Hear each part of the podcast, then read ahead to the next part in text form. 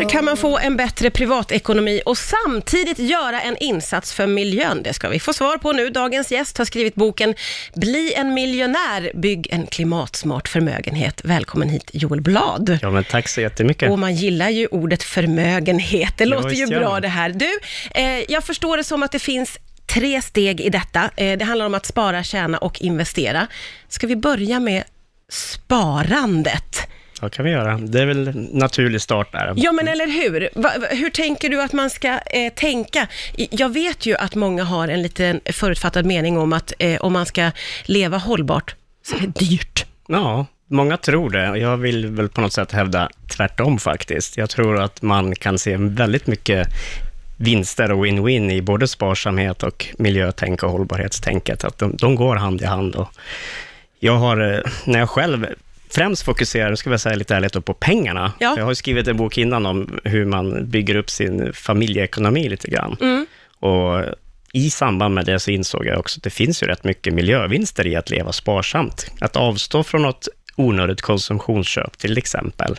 Att kanske hellre då köpa en nedsatt vara i matbutiken snarare än den dyra ekologiska. Ja, just det, för där har ju många fastnat att det är dyrt att köpa ekologiskt. Precis. Men om du hjälper oss att tänka lite vidare där, så där Mm. finns det ju dels de här som snart går ut. Ja, men precis. Jag brukar gå på lite upptäcktsfärd nästan i matbutiken. Alltså leta mera efter bra, till, bra nedsatta produkter som ändå är helt okej att käka. Ja. Och då vet jag att genom att köpa de här så gör jag en minst lika stor miljövinst som att köpa en dyr ekologisk vara. Ja. Och varför inte kombinera det då så att du får bättre privatekonomi och gör en insats för miljön. Det är hela det tänket som jag har försökt få till. Ja, och eh, så ska vi ju inte överkonsumera naturligtvis, utan du menar att man ska försöka avstå kanske från vissa Ja. onödiga... Alltså det, många gånger när man pratar om sparande så definierar man det som uppskjuten konsumtion.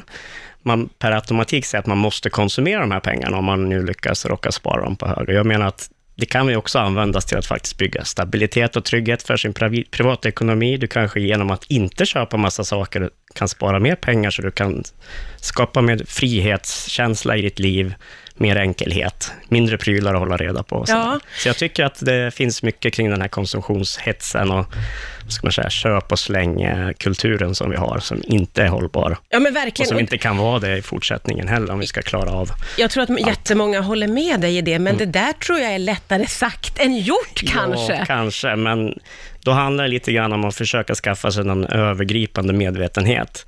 Och det kan man, eh, den, den skaffar man sig ganska enkelt. Och det känns liksom i magen om man behöver den här prylen eller inte. Behöver man prylen verkligen, ja men då köper man en ordentligt bra pryl. Behöver man kanske den inte, så kanske man kan låta bli. Man, man kan testa att hyra den. Då kommer vi in på nästa punkt. Innan Ja, ja, just kan, det, just vi det. kanske sen. Men Ja. eh, det, finns, eh, det finns sätt att runda det där. Det finns tips och tricks. Man får helt enkelt också lite rannsaka sig själv och se över vad man verkligen behöver. Ja, det är det jag vill få fram med det här lite halvlustiga ordet miljonär då, att man kan vara medveten både i hur man konsumerar och hur, hur man påverkar genom att man konsumerar. Och det handlar också mycket kring det där att Ja, men när du, när du köper en sak så ska du känna att det, det ska kännas rätt, både för plånboken och för miljön. Ja, det är det ja. jag vill få fram. Du har ju delat in det här i, i tre olika delar kan man säga. Vi har pratat om att spara och nu ska vi prata om att tjäna. Och då var ju du li- lite inne på det redan innan här, när du sa att man kan hyra saker. Precis. Jag har eh, även där då i min strävan att bygga privatekonomi testat på lite av det här med delningsekonomin. Ber- berätta lite om delningsekonomi först här. Ja, det är ju ett sätt, vad ska man säga, en del av en lite cirkulär ett sätt att tänka helt enkelt. Man behöver inte alltid köpa prylen själv, man kan låna den eller hyra den av någon annan. Och tvärtom då, om du har en, en sak som någon annan kan behöva någon gång ibland, så varför då inte hyra ut den, tjäna en liten slant på köpet och nyttja resurserna på ett bättre sätt, helt enkelt, mer effektivt vis. På, på vilket sätt har du själv provat på det här? Ja, jag har testat lite allt möjligt. Eh, Vi har eh, hyrt ut vårt hus när vi är på semester. Det är jättebra. Till andra barnfamiljer till exempel, Ja, som inte vill sitta på ett hotell. Eh, Vi hyr ut vår bil, småbarnsbil, bruksbil, som eh, redan är, eh, vad ska man säga, med bi- bilbarnstolar, lite lätt nedkräkt och kan... Men det är en bil! Ja, precis. Jag ska hyra ut den nu imorgon faktiskt till en annan barnfamilj som ska Ja. ha den över helgen. Eh, Det är ett jättebra sätt tycker jag för att också nyttja en bil på ett bättre sätt. Den står still för det mesta. Ja, Då kan någon annan låna den av mig under tiden. ja men verkligen. Prylar, småsaker, eh, allt ifrån eh, saker som vi då råkar ha som andra kan behöva. Ja, Många tråkiga grejer. vad kan det vara för tråkigt? En eh, flyttpirra brukar jag ta upp som ett bra exempel. Ja, det är jättebra. En sån där som man måste ha någon gång ibland, Ja. men ingen vill ha dem. Nej. Men nu råkar vi ha en för att jag fick panikköpa den vid det tillfället som jag skulle ha den. Ja, men nu det har kan du varit alltså- en stor uthyrargrej för mig. Ja, faktiskt. det är så. Nu blir det inte några jättestora pengar av den, men det är ett roligt sätt och om inte annat involvera barnen i det här sättet att tänka Ja, att saker och ting faktiskt kan nyttjas av andra som man äger och samtidigt då ta ut en hyra för det. men hur viktigt tycker du att det är att involvera barnen i det här tänket? Ja, jag tycker det är jätteviktigt, framförallt då, kopplat då till att jag tror vi måste gå mot mer cirkulär ekonomi, effektiva resursutnyttjanden. Och då är det ju bra att få in det redan från barnsben från början, att det här är ett sätt, så här kan man också tänka. Man kan dryga ut veckopengen lite om man är med och hyr ut pappas tråkiga pirra till någon Ja. annan farbror som behöver den, så Det stressar är ju ut. jätte, jättesmart, otroligt. Men har du då utnyttjat det här bland grannar, vänner? Hur har du liksom kommit igång med det här då? Det finns ju jättemycket bra tjänster idag, appar, som via din smartphone, några klick bort så har du en kontakt med någon som söker, man matchar liksom Ja. behov och utbud. Och eh, då får man kontakt där och då löser man det också med betalningar, hur man lämnar över saker, försäkringar och sådana bitar. Så det är, finns jättefina möjligheter nu Ja. att våga testa på det här. Det är ju inte ens svårt, hör Nej, det jag ju på det. dig. Det Nej. finns redan appar och allting är liksom serverat. Det är bara att Precis. komma igång helt Precis. enkelt. Eh, vi har pratat om att spara och tjäna och nu ska vi prata om att investera. Eh, då menar du att man ska hålla lite koll på bankerna? Ja, det tycker jag man kan göra faktiskt. På vilket sätt? Nej, men när man nu har eh, sparat ihop och tjänat ihop lite surt förvärv pengar vill man ju då kanske investera dem också och få Mm. så bra avkastning som möjligt på det kapitalet. Och eh, det jag har märkt nu är att det är många av bankerna som spinner på det här miljö, vad ska man säga, trenden ändå Ja, och spelar lite grann på folks dåliga samvete att köp den här hållbara fonden av oss så kan du strunta i resten, behöver du inte tänka på det här med och det låter ju så det låter skönt. jätteskönt. Ja. Det, jag tror det har gått ganska bra och lyckats rätt väl.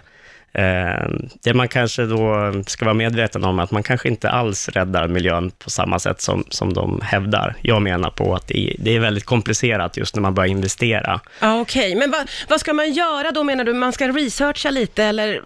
Ja, jag tycker dels behöver man vara medveten om att man kanske inte alltid får det som sägs. Ja, Sen så tycker jag att man alltid ska ha lite kritiskt tänk kring vad, vad gör min investering eh, på en, exempelvis en, eh, företag, ett, ett, en aktie till exempel. Om jag köper den eller inte köper den, vad har det för betydelse för företagets verksamhet som faktiskt har betydelse? Så att det handlar mycket om att hitta, dels handlar det, tycker jag, om att tänka för sin egen del, att man framtidssäkrar sina investeringar. Det är ju en grön gir som pågår och vi kommer ju behöva ställa om till stort och mycket. Så det kanske handlar främst där om att liksom se över vad man har för placeringar, hur man framtidssäkrar dem, riskminimerar sitt, eh, sitt investerande. ja, Och det kan man göra utan att behöva köpa en massa ofta dyra hållbara fonder då. Man kan Ja, göra det. på annat vis. ja, ja. Sen finns det ju andra sätt att investera. Du kan investera på egen hand i exempelvis solpaneler om du har ett tak. Det finns sådana Ja. möjligheter också. Ja, Se det som visst. en investering. Ja, verkligen. Eh, Men som du är inne på så är det ju liksom, vi går ju åt ett grönare håll och alla måste tänka på det här. Och då är det väl också så att det kan bli ganska lönsamt för företag, tänker jag i förlängningen. Det, det börjar ju nu bli lönsamt på riktigt att ställa om mot exempelvis fossilfria Mm. energikällor. Kolkraften börjar vara dyrare än vad det är att få fram energi från sol och vind, så det är jättehäftigt och det Mm. börjar ju hända grejer. I och med att det blir lönsamt så kommer ju de här stora kapitalflödena också att söka sig till lönsamheten. Det måste man ju förstå. Mm. Kap- kapitalisterna är ju där och nosar där det finns lönsamhet. Ja, det är klart Ja, det. det är klart. Ja. Och det ska väl vi vanliga personer också vara, tycker jag. Mm. Så att det finns mycket att tänka på kring investeringar och det är inte så himla enkelt som bankerna många gånger säger. Ja, men det är bra att ha med sig. Du, vi är ju fortfarande mitt i en pandemi. Eh, v- Vad har vi lärt oss utifrån den, tycker du? Ja, jag tycker att den har ju lärt oss att det går att göra väldigt mycket på kort tid, bara vi ger oss den på det. Det går att få fram väldigt mycket pengar från politikerhåll för att göra satsningar eh, och det går att liksom visa att vi kan ta oss igenom den ena krisen efter den andra.